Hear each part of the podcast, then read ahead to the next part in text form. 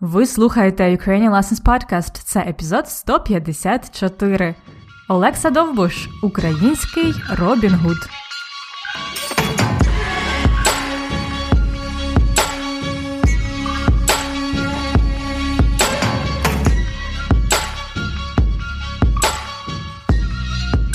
Привіт! Мене звати Анна, і це новий епізод подкасту Уроки української. Подкасту для всіх, хто вивчає і любить українську мову. Як у вас справи? У мене нормально. Зараз іде другий місяць карантину. Ситуація з коронавірусом постійно змінюється, тому краще просто не будемо торкатись цієї теми.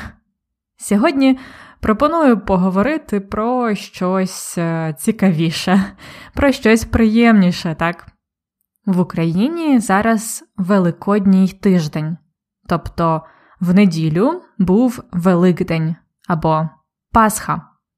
Люди святкували Великдень цього року в карантині, тому це, мабуть, було трохи дивно.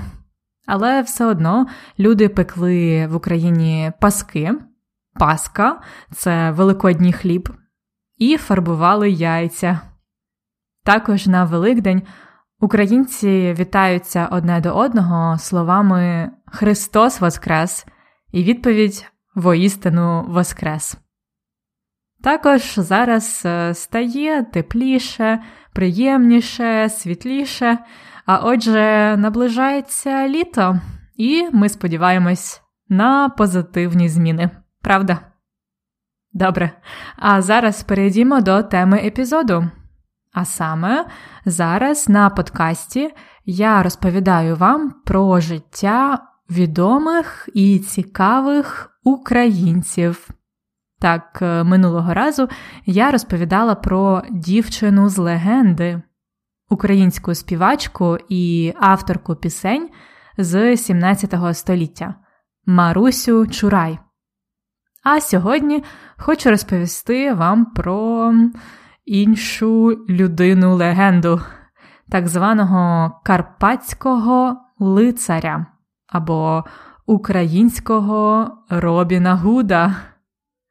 Робін Гуд це герой англійських легенд.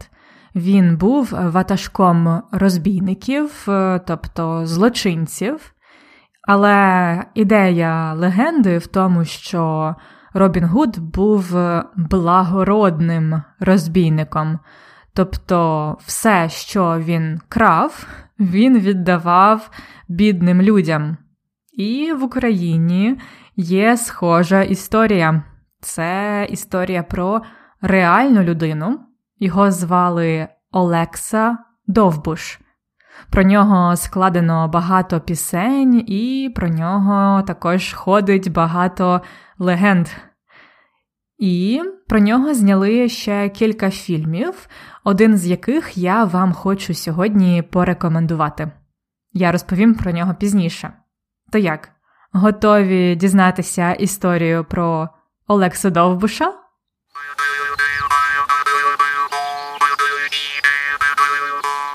Олекса Довбуш, український Робін Гуд. Олекса Довбуш народився у 1700 році, тобто це початок 18 століття. Він народився в селі Печеніжин. Тепер це Коломийський район Івано-Франківської області. Пам'ятаєте Коломию з третього сезону подкасту? Там була наша героїня Христина. Так от, Олекса народився у дуже бідній сім'ї. Типовий початок історії, правда? Усе, що вони мали, це кілька овець. Ті вівці давали молоко, і з нього сім'я робила бринзу.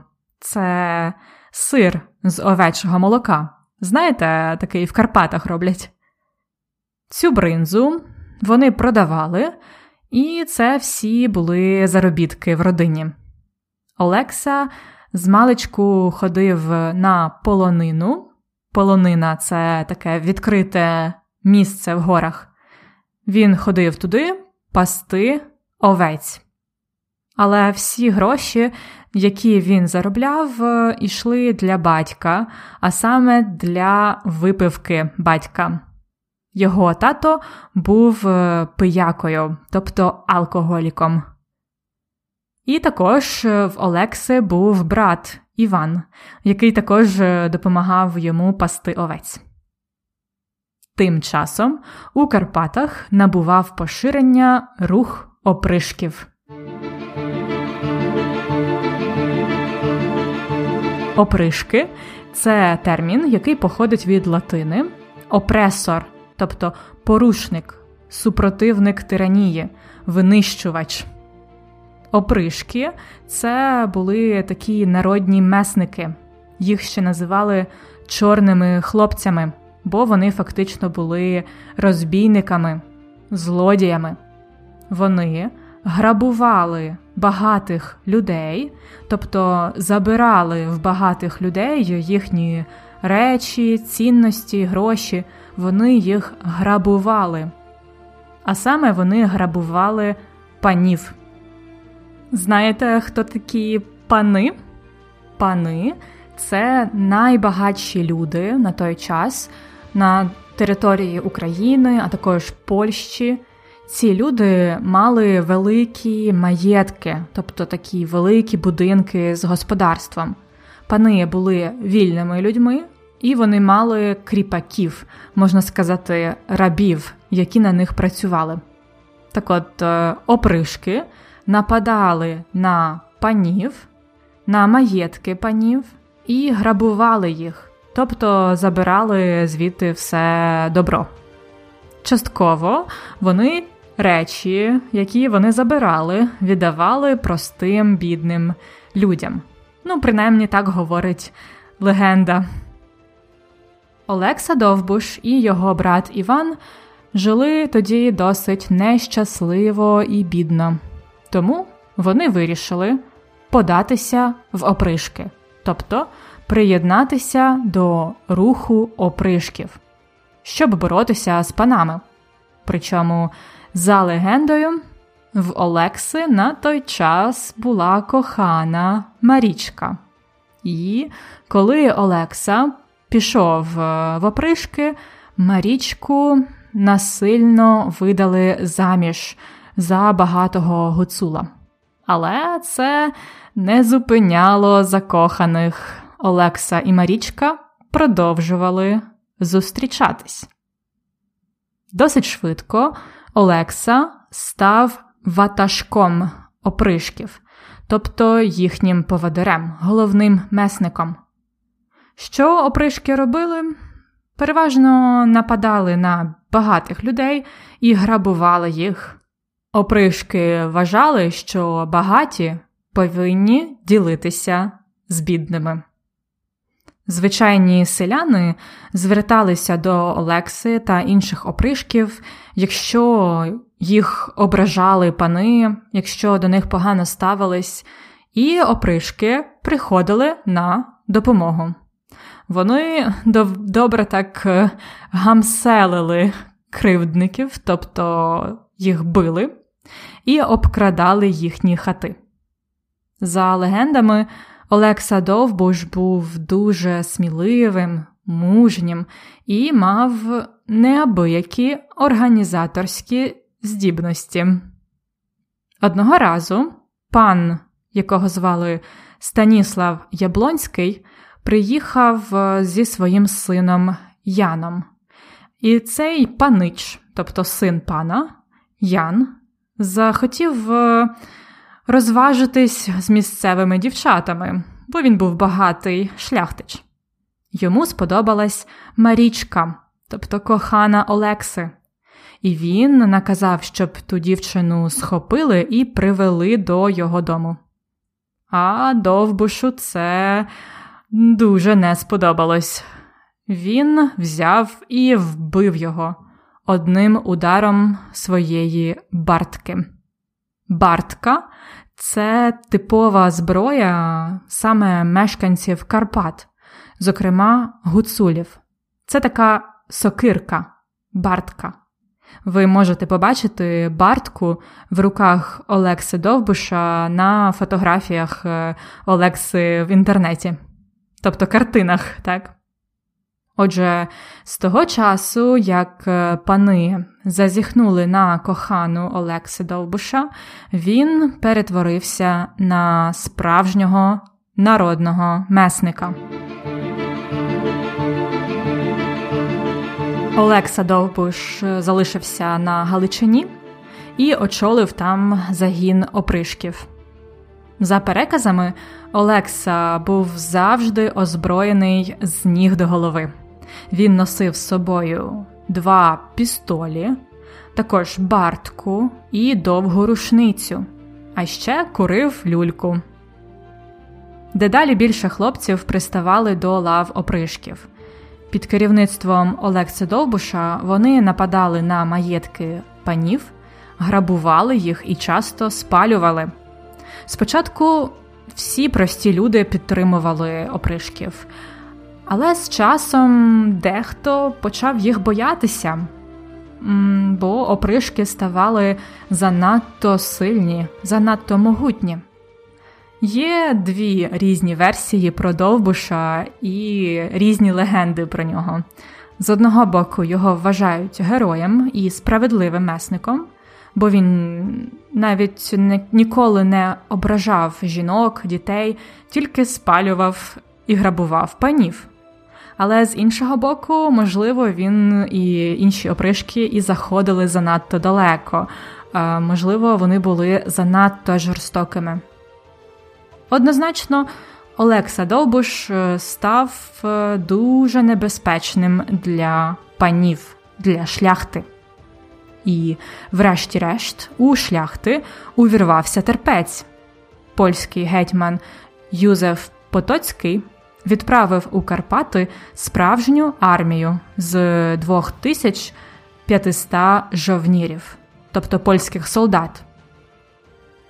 Вони перевернули гори у пошуках опришків і спіймали багатьох хлопців, катували їх і вішали їхні тіла біля великих доріг, щоб е, селяни бачили і лякались. За останні півтора роки свого життя карпатський Робін Гуд Олекса Довбуш продовжував свою діяльність, хоча вже ставав слабший. І нарешті його знайшли і вбили. Тіло Довбуша порубали на шматки і виставили їх на показ. Ось така історія. Тоді, коли його спіймали, звісно, пани дуже раділи, але насправді радіти було ще рано, бо після трагічної загибелі Олекси рух опришків не зупинявся і тривав ще 10 років. Ось така історія. І на сам кінець, як я вам обіцяла на початку, я б хотіла порекомендувати вам фільм про Олексу Довбуша. Він так і називається Олекса Довбуш. І це фільм 1959 року. Тобто це старий фільм. І якщо вам подобаються ретрофільми, то обов'язково подивіться його. Мені сподобався цей фільм, тому що там дуже цікаво представлені елементи гуцульської і карпатської культури. Там є і їхній традиційний одяг, і музичні інструменти, і зброя, про яку я розказувала. А найкраще те, що цей фільм є в інтернеті у вільному доступі. Він є на Ютубі українською мовою з англійськими субтитрами. На сторінці цього епізоду я залишу для вас посилання на відео. Це буде на ukrainianlessons.com риска епізод 154.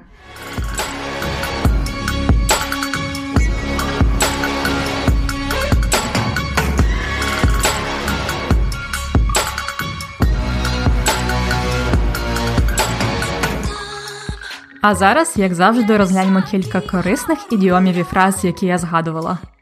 Отже, опришки це були люди, які допомагали селянам та бідним людям. Коли щось погане траплялося з селянами, вони зверталися до опришків, і опришки приходили їм на допомогу.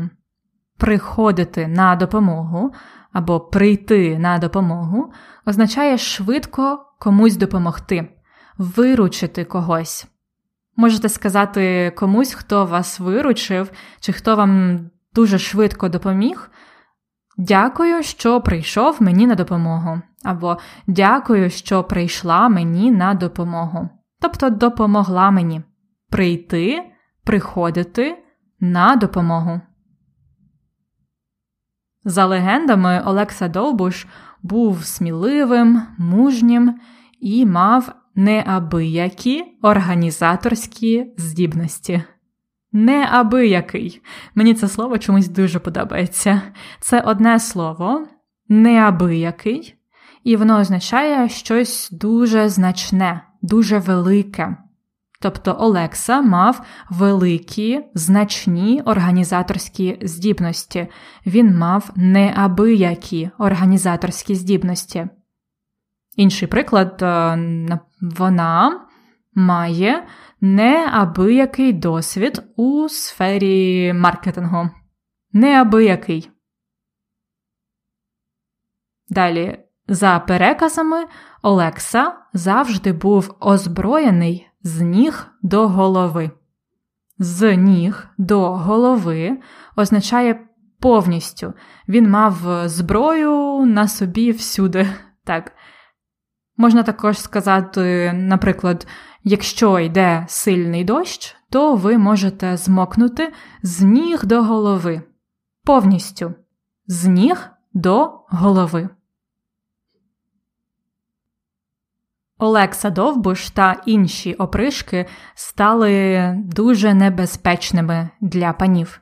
І, врешті-решт, у шляхти увірвався терпець.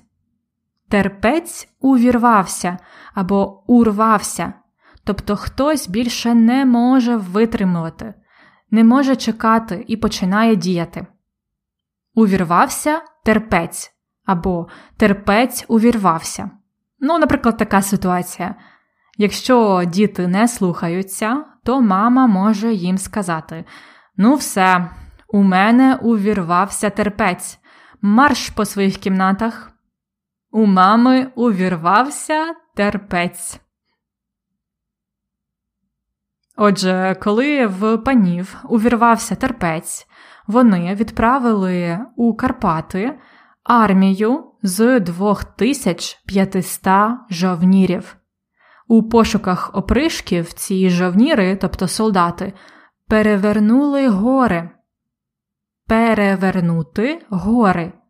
У цьому випадку це майже буквально означає обшукати всі гори.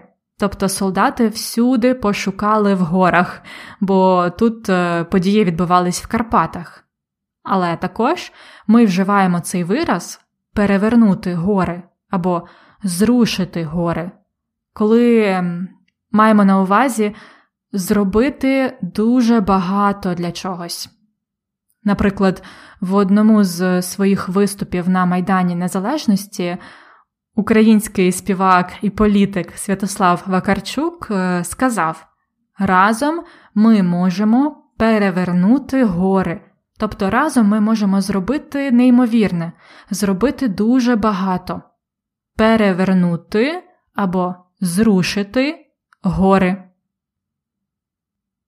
І коли Олекса Довбуш загинув, шляхта дуже раділа, але насправді було ще рано радіти. Ще рано радіти. Ми вживаємо цю фразу, коли хочемо сказати що це ще не кінець, це ще не happy end, так? Ще рано радіти. Почекайте, так. Наприклад, на цих вихідних кількість людей, які помирають від коронавірусу за день, зменшилась Але ще рано радіти. Це ще не привід радіти. Ще рано радіти.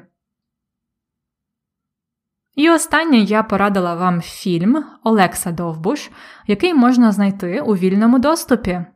У вільному доступі. Це коли щось доступне безкоштовно. Зазвичай в інтернеті, так? Усі епізоди цього подкасту є у вільному доступі, а отже, їх можна слухати безкоштовно. А от е, додатково можна замовити для себе преміум матеріали. Про них можна дізнатися на сторінці ukrainianlessons.com риска преміум у вільному доступі.